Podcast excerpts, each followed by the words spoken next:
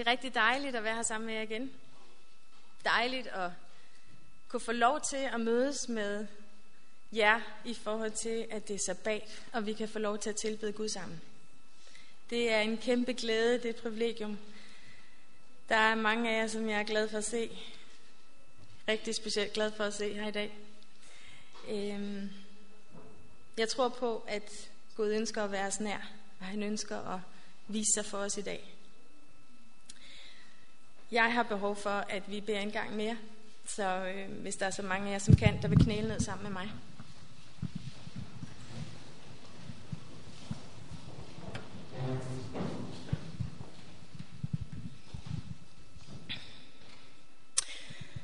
Kære himmelske far, jeg takker dig for det privilegium, det er, at vi kan få lov til at træde frem for dig nu.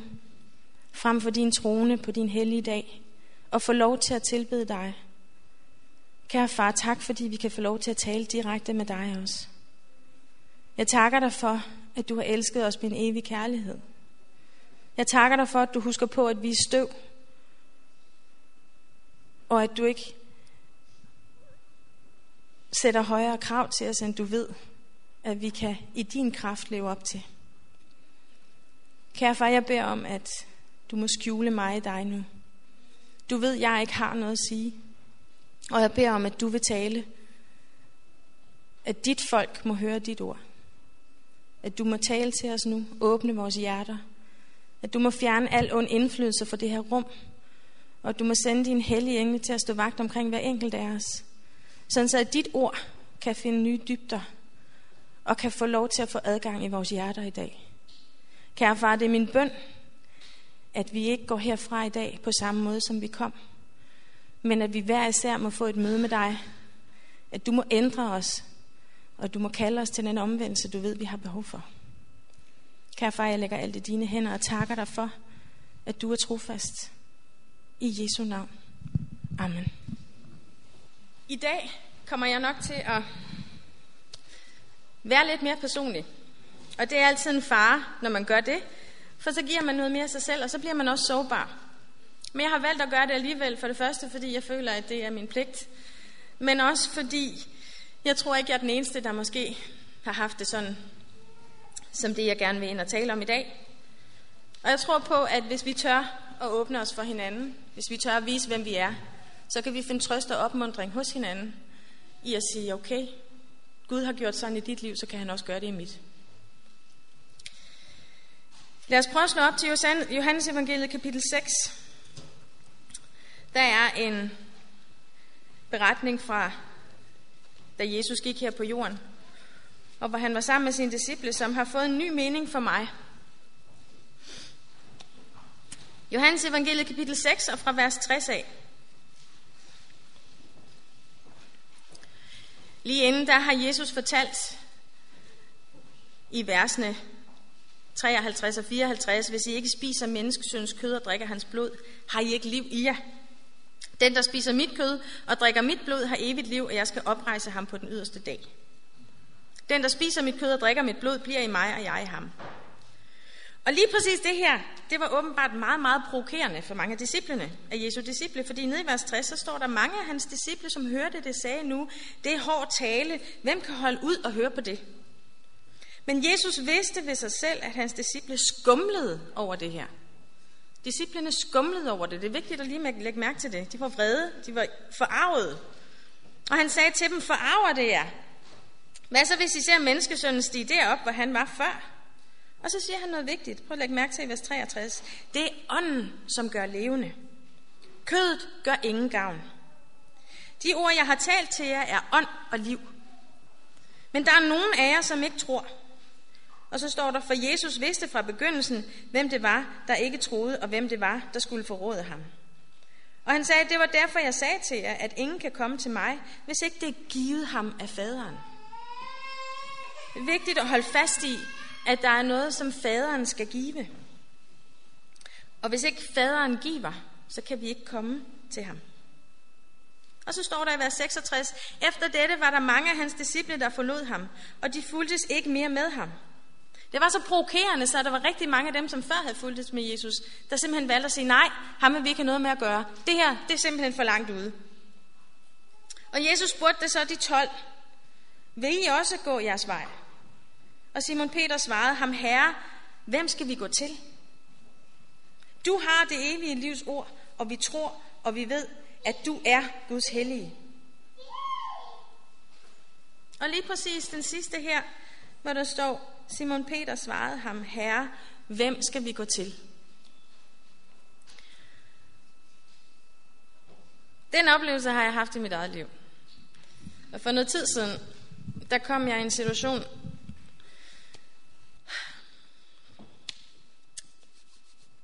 hvor jeg virkelig, virkelig blev sat derud, helt derud, hvor man tænker, nej, det kan ikke være rigtigt. Sådan en situation, hvor man har sin gode ret til som menneske at blive rigtig vred. Sådan vred på den øh, Jonas-agtige måde. Da Gud han lod planten visne igen, og Jonas han var vred, han var dødelig vred, hvor Gud sagde, hvorfor bliver du vred, Jonas? Det er jo mig, der har styr på det. Nej, jeg er dødelig vred. Og sådan havde jeg det. Jeg var dødelig vred. Jeg synes ikke, det var okay. Og der var nogle ting, som gjorde, at jeg havde virkelig bedt meget op mod, øh, mod den her situation. Og jeg havde virkelig lagt det i Guds hænder. Jeg synes virkelig, det her, det har Gud styr på. Og det skal nok gå godt, fordi nu har jeg lagt det i Guds hænder. Og så skete det overhovedet ikke det, jeg havde lyst til. Og det synes jeg ikke var okay. Og jeg stod i den situation, hvor, det, hvor jeg nogle, i nogle dage faktisk parlamenterede med Gud og havde den her, ved du hvad, jeg lagde det i dine hænder. Det kan da ikke være meningen, at du tillader den her uretfærdighed i mit liv. Og det var faktisk en situation, hvor jeg ikke kender det der med, nogle dage efter, så går man sådan og tænker over, hvad man skulle have sagt i situationen, fordi det havde været godt at sige, eller dagen efter, nej, nej, jeg burde have reageret på den her måde, for så kunne jeg rigtig lige have sagt kaching, og så har jeg styr på, og så blev det her lige løst. Men det skete ikke. Og jeg stod i den situation, hvor jeg sådan debatterede med Gud, og jeg var faktisk, jeg var faktisk rigtig irriteret. Jeg havde sådan et Gud, det kan da ikke være rigtigt. Vil du virkelig have, at den her situation, at den skal jeg leve midt i? Har, har du tænkt dig, at det er det? Og så sagde Gud til mig, Sonja, du lader det i mine hænder. Du ved, at jeg har styr på det. Vil du gå med mig ind i det her? Og så sad jeg og tænkte, det ved jeg faktisk ikke. Jeg var ærlig over for jer. Og jeg var faktisk nødt til at være 100% ærlig over for Gud og så sige, det ved jeg faktisk ikke, Gud. Og så var det, jeg blev klar over, at Gud han rent faktisk viste mig en meget, meget vigtig ting i mit liv.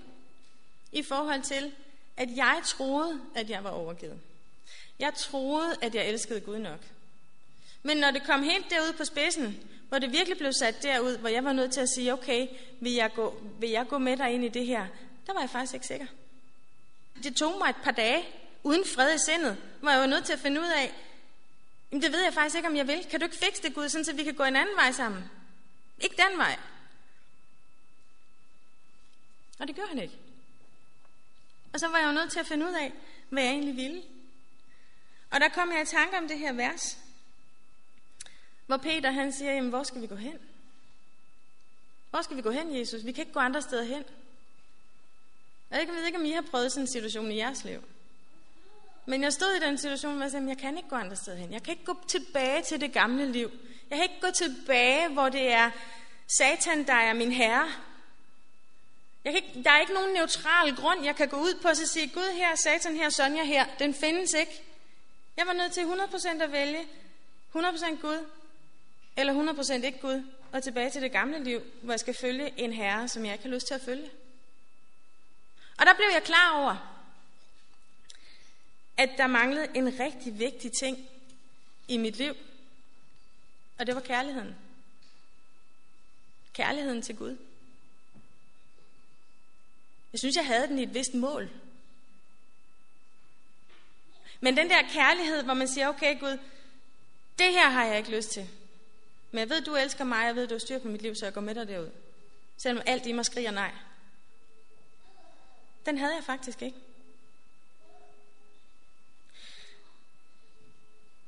Og så kom der rigtig mange skriftsteder ind i mit hoved.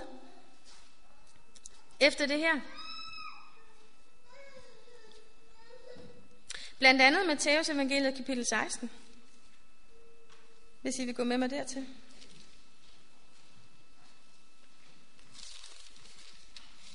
Matteus evangeliet kapitel 16, vers 24 og 25.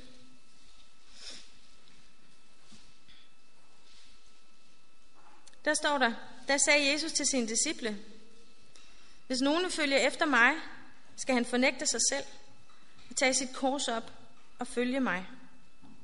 Den, der vil frelse sit liv, skal miste det, men den, der mister sit liv på grund af mig, skal finde det. Og de her vers, dem har jeg læst rigtig mange gange. Og det er sådan nogle af de der vers, hvor man siger, ja, vi skal tage vores kors op. Og så skal vi følge Jesus. Men når man skal tage sit kors op og følge Jesus, der hvor det rent faktisk gør rigtig nas at blive korsfæstet, der er det faktisk ikke sjovt. Og så er det, man finder ud af, gider jeg blive korsfæstet? Er det i virkeligheden det, jeg gider? Jeg har det egentlig meget godt med mit ego. Det, jeg trives, mig og mit ego, vi har det meget godt. Men det er jo bare ikke det, vi kalder til. Og med den tid, vi lever i, så kan vi ikke rende rundt ud i forgården mere. Vi kan heller ikke rende rundt inde i det hellige. Vi er inde i det allerhelligste, hvor Jesus er lige nu. Og hvis vi vil følge lammet, hvor det går, der er han derinde. Den gerning, der sker inde i det allerhelligste, det er en renselse. Det betyder, at alle de ting, som vi går og kæmper med, de skal væk. Det betyder, at der er kors, der skal bæres. Det betyder, at mit ego og jeres egoer, de skal korsfæstes. Det er rent faktisk sådan, at jeg fandt ud af i mit liv, at før jeg kunne stå op, så skulle jeg stige ned. Det vil sige, at jeg var nødt til at starte min dag, som jeg altid gør, når jeg slår øjnene op, og så siger Gud, du skal være herre i mit liv. Du skal være på tronen. Jeg går ned af tronen. Du sætter dig der, og så kan jeg stå op. Så kan jeg stå op om morgenen. Og det er rigtig nemt, når alt går godt. Men det er rigtig, rigtig slemt, når det handler om, at vi skal, at, at vi skal have, det, have, det rens, have ting renset ud. Og der kom jeg til at tænke på nogle ting, som jeg havde læst i sådan en lille bog som den her. Jeg ved ikke, om I kender den. Den er fantastisk. Den er desværre ikke, øh, der er desværre ikke så mange tilbage af dem, så øh, man skal sørge for at få fat i nogen, mens man kan. De bliver ikke trygt. Jeg kunne godt tænke mig at læse fra side 252. Der står der, den nødens og prøvelsens tid, der ligger foran os, vil kræve en tro, der kan udholde træthed, ventetid og sult. En tro, som er urokkelig, ligegyldigt hvor hårdt den prøves. Vi er lidt i en eksamenstid lige i øjeblikket. Der er en masse unge mennesker, der render rundt og skal til eksamen. Mange af dem, de har sådan lidt nerver. Nogle af dem har rigtig mange nerver, for de har ikke lavet noget som helst hele året. Og nu skal de så til eksamen. Og vi har også en eksamen, der kommer lige om lidt. Og vi kan ikke lige at tale om det, fordi det er sådan lidt ubehageligt. Det der med den der trængselstid. Det er ikke fedt. En tro, som er urokkelig, ligegyldigt hvor hårdt den prøves. Det kan man ikke vente til trængselstiden med at finde ud af, om man har eller ej. Den skal trænes undervejs. Der står, den store trængselstid, der ikke har været man til, vil snart være over os. Og vi vil behøve en erfaring, som vi ikke har nu og som mange er for sløve til at opnå. Ofte synes vanskeligheder større, når man tænker på dem i forvejen, men det gælder ikke den krise, der ligger foran os. Selv den mest levende beskrivelse kan ikke udmale denne mægtige ildprøve. Og jeg står her ikke for at skræmme. Og det er heller ikke mig, der siger det. Men Gud i sin kærlighed har gerne vil advare os om, hvad der kommer inden, så vi kan nå at blive klar til eksamen. Han har givet os pensummet, som vi skal kunne, og spørgsmålet er bare, om vi er nogle af dem, der får sløve til at læse det.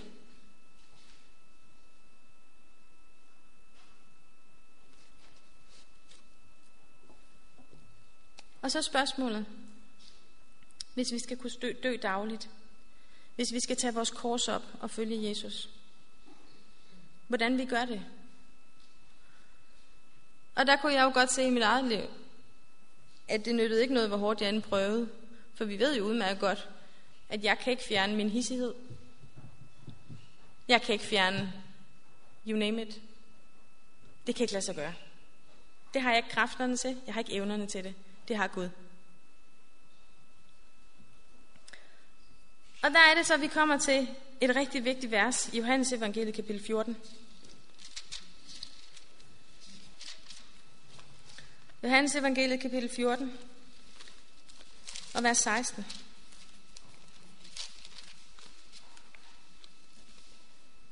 Der står der, elsker I mig, så hold mine bud.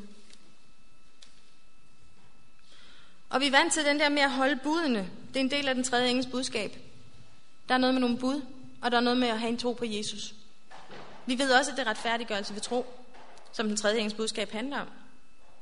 Men det der med de bud der, dem kan vi heller ikke så godt lide. Fordi der bliver der også krævet noget af os.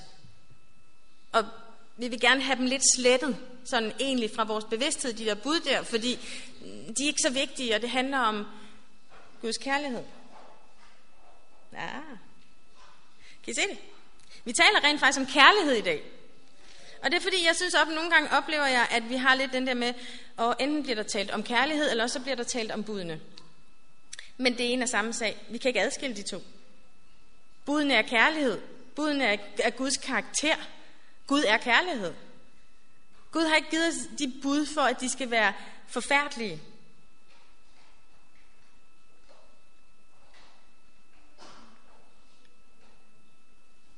Lad os prøve at gå til 1. Johannes kapitel 5. Fordi hvis vi tror, vi kan adskille budene og kærligheden, så har vi ikke helt forstået, hvad det er, Gud prøver at fortælle os.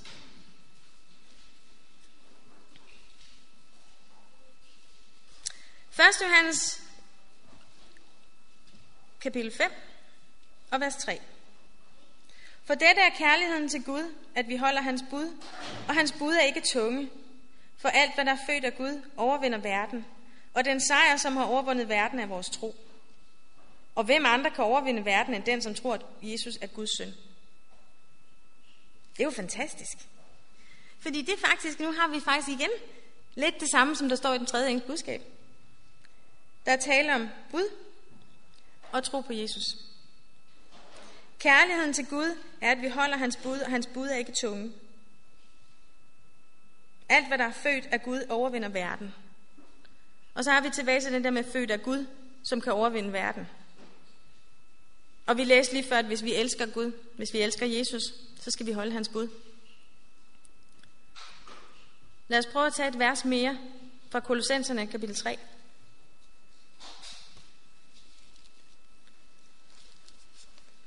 Kolossenserbrevet kapitel 3 og vers 23 og 24.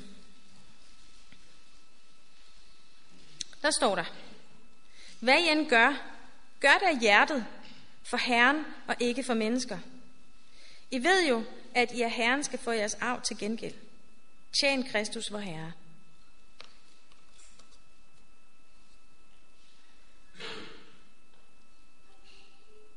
Hvad vi end gør, skal vi gøre det af hjertet, for Gud og ikke for mennesker.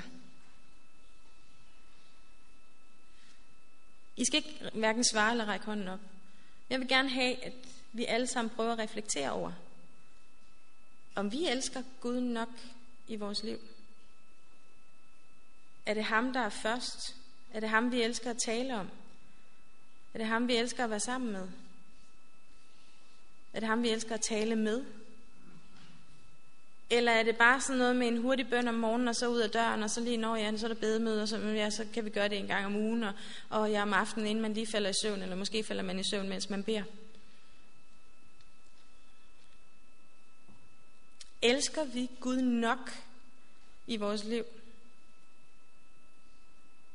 For hvis ikke vi gør, så kan vi ikke holde budene. Hvis ikke vi gør, så kan vi ikke korsfeste os selv og gå sammen med ham. Men hvis ikke vi gør, så kan vi overhovedet ikke forberede os på det, der kommer forude. For så er vi ikke interesseret i at følge ham. Og lige om lidt, så skal alle mennesker på den her jord tage et valg. Vil vi følge Jesus? Eller vil vi sige, nej tak, jeg vil ikke have noget med det der at gøre. Det der det er simpelthen for hård tale, Jesus. Dig vil jeg gerne væk fra. Lad mig komme væk herfra. Og jeg tror, de fleste af os nok, det kan jeg ikke sige. Jeg har i hvert fald haft det sådan, hvor skal jeg gå hen? Jeg kan ikke gå andre steder hen. Men jeg skal ikke blive i den der med, okay, men så er jeg der bare her, fordi jeg ikke kan gå andre steder hen. Gud ønsker at tage mig derfra og et helt andet sted hen. Og han ønsker at tage os alle sammen derfra, hvor vi er, hvor vi siger, Åh, jeg synes ikke rigtig lige, mit kristenliv fungerer. Jeg er syvende dags adventist, jeg er kommet i kirken i mange år. Jeg gør det, fordi ellers så er der nok nogen, der undrer sig, hvis ikke jeg kommer i kirke. Ellers så kommer Elin på besøg, eller Lise, eller... Nej, undskyld Elin, jeg hakker på dig hver gang det er noget med besøg. Du gør et fantastisk arbejde. Men det er mere bare den der med, hvorfor er vi her? Er det hårdt at være kristen? Er det et plagsomt år? Eller er det fantastisk? Er vi glade? Jeg har altid været brug, eller længe, nogle gange, nej ikke længe. Førhen var jeg provokeret af, hvor der stod, glæd jeg altid i Herren. Jamen det har jeg da ikke lyst til altid at glæde mig i Herren. Men jo, fordi efter at jeg kom til den her skillevej i mit liv, hvor jeg virkelig var nødt til at sige, okay, så lad mig korsfeste det ego. Det går nas, men jeg har ikke andre steder at gå hen. Men så er du også nødt til, Gud, at give mig det, jeg mangler. For hvis I lader mærke til, lad os prøve at gå om til Johannes evangeliet kapitel 6 igen. Johannes evangeliet kapitel 6 og vers 63, der står der, det er ånden, som gør levende. Og der står også, ingen kan komme til mig, hvis ikke det er givet ham af faderen. Er det så sådan, at Gud sidder og siger, Sonja skal ikke have, den og den skal have, den og skal have, den og den skal ikke have. Nej, det er ej. Men der er rent faktisk noget, vi kan bede om. Og i og med, at jeg ikke har kærlighed i mig selv, men Gud er kærlighed. I og med, at jeg ikke kan producere en eller anden lykkefølelse eller kærlighedsfølelse mod Gud eller mod nogen som helst af jer. For det kan jeg ikke. Men det kan Gud. Så var jeg nødt til at så sige, okay Gud, jeg har det ikke. Jeg elsker dig ikke nok. Jeg elsker dig en lille smule, men slet ikke nok. Og hvis prøven kommer til mig lige nu, så er der en stor chance for, at jeg ikke vil stå fast. Det kunne jeg jo se. Og jeg tror, vi, vi er vi er Peter alle sammen. Vi tror nok, nej, en stor del af os er nok Peter. Vi tænker, Gud, jeg forlader dig ikke. Jesus, jeg bliver hos dig, om så hvad som helst, så går jeg med dig i døden. Jeg forlader dig ikke. Og han var den første, der rendte sted, da Jesus han blev taget til fange. Og det skal ikke ske for nogen af os. Det må ikke ske for nogen af os. For vi er her, fordi vi har et ønske om at tjene Gud. Nogen en lille smule, andre rigtig meget. Men vi er her, fordi vi ønsker at være Gud nær. Og hvis vi ved med os selv, at vi mangler noget i vores liv, så står Gud på spring for at give os det. Og jeg har oplevet, hvordan at min kærlighed til Gud er faktisk vokset dag for dag, da jeg rigtig begyndte at bede om den. Hvor jeg sagde, Gud, der står her, at du skal give mig det. Jeg kan ikke selv. Gud, du er den, der skal gøre det. Jeg skal have din ånd, for jeg kan ikke selv. Og hvis ikke jeg har din ånd, så har jeg ikke liv. Der står, det er ånden, som gør levende. Det er Gud, der skal give os den. Og langt hen ad vejen ved de, vi det jo nok godt. Men nogle gange så slår det bare rigtig hårdt, når det er en selv.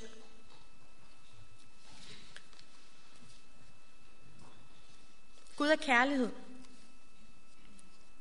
Og lad os prøve at slå op til vores skriftlæsning igen. I Korintherbrev, 1. Korintherbrev, kapitel 13.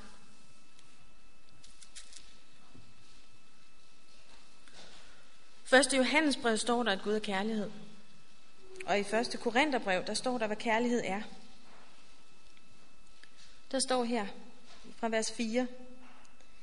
Kærligheden er tålmodig. Kærligheden er mild. Den misunder ikke. Kærligheden praler ikke, bilder sig ikke noget ind. Den gør intet usømmeligt, og den søger ikke sit eget. Hisser sig ikke op og bærer ikke nag. Den finder ikke sin glæde i uretten, men glæder sig ved sandheden. Den tåler alt, tror alt, håber alt og udholder alt. Kærligheden hører aldrig op. Profetiske gaver, de skal forgå. Tungetale, den skal forstå med, og kundskab, den skal forgå. Men igen, kærligheden hører aldrig op.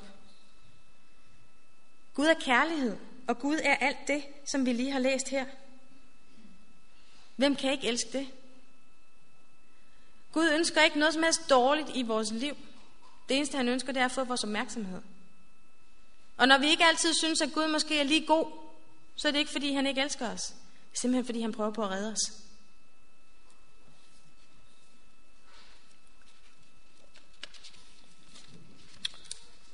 Samme lille bog, på side 208, der står der. Der vil ske en vidunderlig åbenbarelse af Guds magt i vores menigheder. Men det vil ikke røre dem, der ikke har ydmyget sig for Herren og åbnet hjertedøren ved bekendelse og omvendelse. I den Guds kraft, der vil oplyse jorden med hans herlighed, vil, kun, vil de kun se noget, som de i deres blindhed anser for farligt. Det vil få dem til at rejse sig og modarbejde det, der sker, fordi Herren ikke virker, som de havde tænkt sig. Så vil de modsætte sig arbejdet, og de vil sige, vi har været i arbejdet i så mange år, skulle vi ikke kende Guds ånds arbejde. Hvis ikke vi har ånden, hvis ikke vi har fået den af Gud, så gavner det os intet. Hvis ikke vi har kærligheden til Gud, så kan vi lave alle de missionsaktiviteter, vi vil. Gavner os intet. Hvis ikke vi har kærlighed til Gud, hvis ikke vi gør det, fordi vi elsker Gud og vores næste, så kan det være fuldstændig ligegyldigt, om vi giver fattige mennesker tøj eller penge, eller hvad vi end gør af ting og sager for hinanden. Og den kærlighed har vi ikke i os selv. Vi skal bede om den. Og det er den kærlighed, som Gud ønsker at overøse os med, så vi kan være kanaler, hvor igennem han kan elske andre. Og det er den kærlighed, som vi skal blive kendt på. Det er det, der kommer til at kendetegne den sidste rest. Ligesom det var det, der kendetegnede den første menighed. Det var deres indbyrdes kærlighed til hinanden. Og lige nu så er vi ikke den menighed. Det er vi altså ikke. Men Gud ønsker, at vi skal blive det. Og hvis vi vil, så bliver vi det. Så bliver vi dem, der elsker hinanden så højt, så vi kan tjene hinanden, uden at se på vores eget ego. Så bliver vi dem, der elsker Gud så højt, så vi ikke lægger mærke til alt det gode, vi gør, fordi det er Gud, der gør det i os. Vi kan ikke noget i os selv. Og nu er det pinse. Det kunne være fantastisk, hvis vi snart kunne få lov til at opleve endnu vildere end det, der skete på Finsefestens dag for den første menighed. Tænk engang, at Gud længes efter at gøre det i sit folk her på jorden og udøse helligånden i fuldt mål. Men han venter på, at vi skal tage os sammen. Vi læste om nogen, der var for sløve. Lad det ikke være os. Lad ikke os være for sløve. Lad ikke os være optaget af den her verden, så vi glemmer, hvad det er, vi egentlig er her for. Så vi glemmer, hvad det er, Gud ønsker at gøre i vores liv. Og så vi glemmer, hvad det er, der er hele essensen, og at vi ikke skal være her længere. Det er ikke det her, vi skal satse på. Vi skal videre. Lad os komme videre.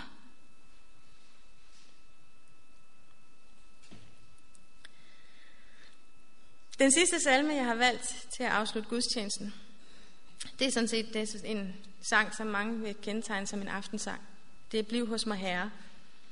Men jeg har taget den alligevel, fordi jeg ønsker, at Gud skal blive hos os. Vi har masser, der beskriver den fremtid, der ligger foran os. Jeg tror oprigtigt på, at Jesus kommer snart. Og når man siger det, hos nogen vækker det vrede, hos nogen vækker det vantro, hos andre vækker det glæde. Det er fantastisk, at Jesus kommer snart.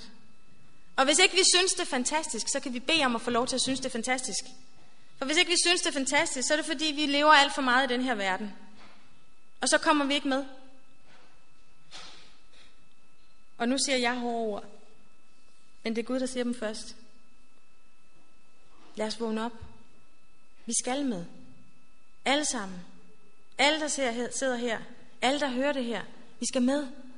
Gud længes efter, at vi skal med, at vi skal omvende os, så han, han ikke behøver at vente længere. Jeg kan godt lide at komme med appeller. Og jeg får lyst til at komme med en anderledes appel. Ikke sådan en af dem, hvor vi skal rejse os op eller række en arm i vejret. Appeller, dem skal man kun svare på, hvis man virkelig mener dem. Fordi det er ikke mennesker, vi skal tjene. Vi skal gøre det af kærlighed til Gud. Og hvis der er nogen, der sidder her i dag og tænker, jeg elsker ikke Gud nok, så er det fantastisk. For så er der håb. Det kan Gud arbejde med. Hvis vi sidder og tænker her, jeg har da egentlig meget styr på det, så er det farligt. For der er ingen af os, der elsker Gud nok, og Gud ønsker at vise det i vores liv. Han ønsker at ruske os op. Så vi kan forstå, at det er ham, der gør det. Det er ham, der giver kærligheden. Vi skal ikke være generet over at sige, at øh, Gud kender os alligevel. Han ved, at vi ikke elsker ham nok. Og han ved, at vi godt ved det, men vi ikke vil sige det. Så vi lige skal godt sige det. Men hvis du sidder her i dag og tænker, jeg er ikke klar. Jeg elsker ikke Gud nok. Jeg har ting i mit liv, som jeg sætter højere. Så lad os bruge kort tid lige nu på at være ærlige over for Gud. Og på at lægge det frem. Bare for os selv. Og så kunne jeg godt tænke mig, at dem, der har belyst til det, der synger vi, jeg har besluttet at følge Jesus sammen. Vi synger bare de fire vers. Vi behøver ikke musik til. Vi tager dem bare uden. Og hvis du mener det, at du har besluttet at følge Jesus, uanset om du har været adventist i 50 år, eller du ikke har været den sidste, eller du ikke engang er kristen, men hvis du har lyst til at følge Jesus og lære ham bedre at kende, den Gud, som er kærlighed, som er alle de ting, vi læste op, hvis du har lyst til at prøve at lære ham at kende og se, hvem han er, så syng med, eller nynn med, hvis ikke du kender sangen. Men lad os bruge lidt tid først sammen eller undskyld, hver for sig, hvor vi er stille og roligt giver de ting over til Gud. Og så lad os stole på, at han ønsker at tage dem fra os. For det gør han. Han ønsker at gøre os klar. Lad os bøje hovederne.